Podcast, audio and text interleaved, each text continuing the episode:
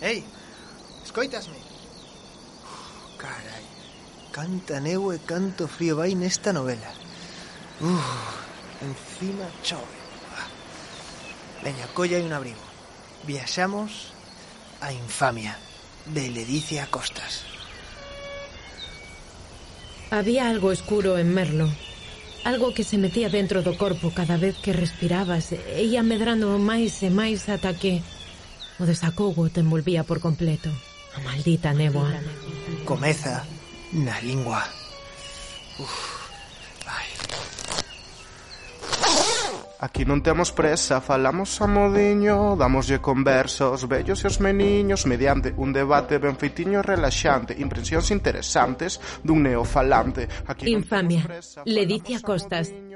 A néboa, a friaxe, a chuvia, Como escoitabas ao principio na novela Infamia de Ledicia Costas, a meteoroloxía ten un papel clave. Infamia repta entre a dor dos segredos agochados, a tristura do silencio e a brétema da inmensa pena que respira o lugar onde todo sucede. Merlo. Sentimentos que non se ven, pero que sí se sinten. Os montes murmuraban segredos en voz baixa.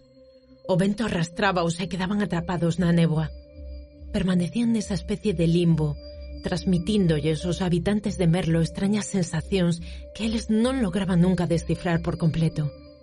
Emma nin sequera se decatara, pero xa era unha víctima dos misterios de Merlo. Emma Cruz é a protagonista da novela. Profesora de Dereito Penal, chega para unha breve temporada a dar clase na universidade. Decide que Merlo pode ser un bo lugar para parar na súa fuxida constante do pasado pode que Emma teña que ver algo coa autora Ledicia Costas. Ambas as dúas estudaron Dereito e ambas as dúas móvense con curiosidade e capacidade analítica pola vida. Emma, como a Merlo, está marcada por un drama. Cando era pequena, camiñaba pola rúa coa súa irmá Mariña.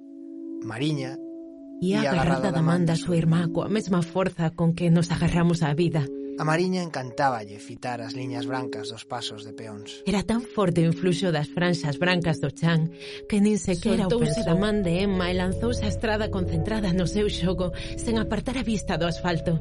Chimpou da primeira franxa branca ata a seguinte. Veña, imos pola segunda, pensou Mariña. E voou polos aires case no acto. Infamia empeza doendo con Mariña e segue a rabuñar co misterio que envolve a esa especie de aldea morta que é Merlo. Morta o mesmo día no que Branca e Sofía Giroux desapareceron, levándose con elas a alma dos seus habitantes. Algo adiantada demais, pero boa rapaza. Os pais deixaron a saúde e máis os cartos intentando dar con elas. Contrataron detectives privados e todo. Imagina detectives privados en Merlo. Uf, unha tolería. Nesa tolería mergúllase de cheo Emma. E empeza a facer o máis arriscado nun lugar onde todo é silencio. Preguntar. E nesas preguntas nacen os conflictos dunha novela de perda e, sobre todo, de personaxes perdidos que tratan de atoparen o seu lugar no mundo.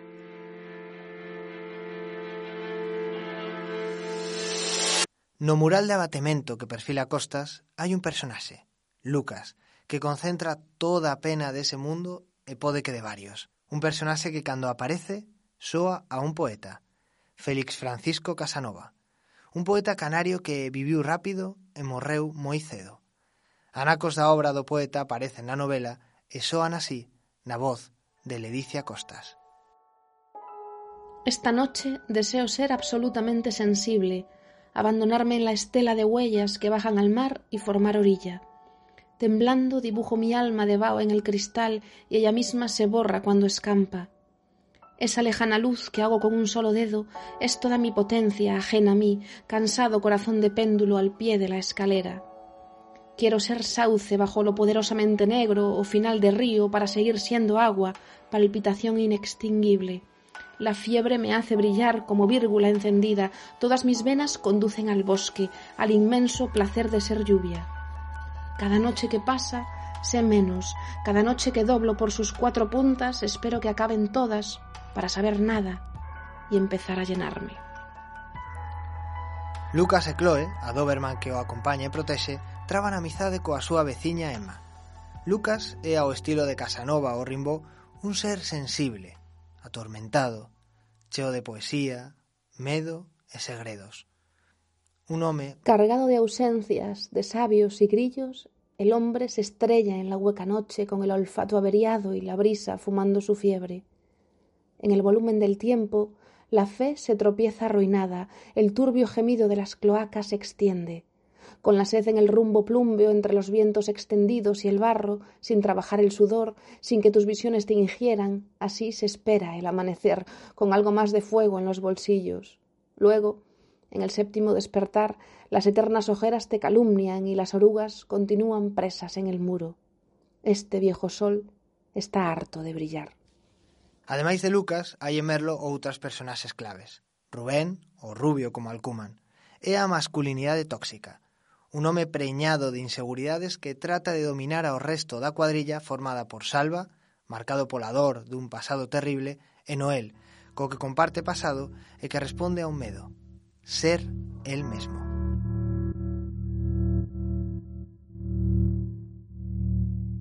En resumo, Ledicia Costas tece unha historia onde todos, agas Emma, saben máis do que din, Nesta historia hai curas hospitosos, espiritistas en éxito, comisarios perigosos e uns pais que procuran xustiza e outros que farán todo o que sexa preciso para protexeren aos seus fillos.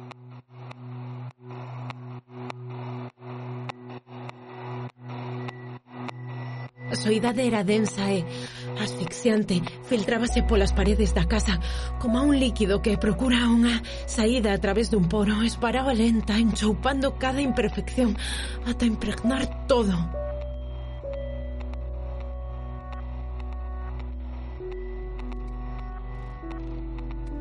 Infamia, un novelón que doe, magoa, é difícil non quedar paralizado despois de lela.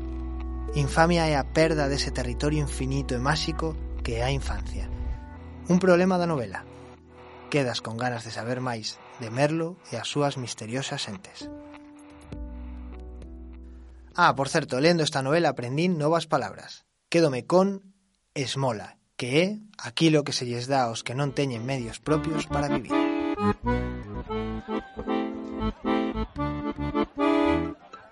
Hai máis moito máis. Pero o mellor é que leas Infamia de Ledicia Costas e logo xa me contas.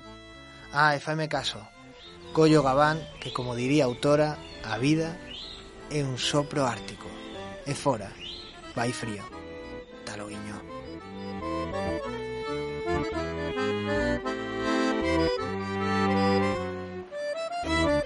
Na Lingua é unha produción de Vinte na Praza e Laboratorio de Radio.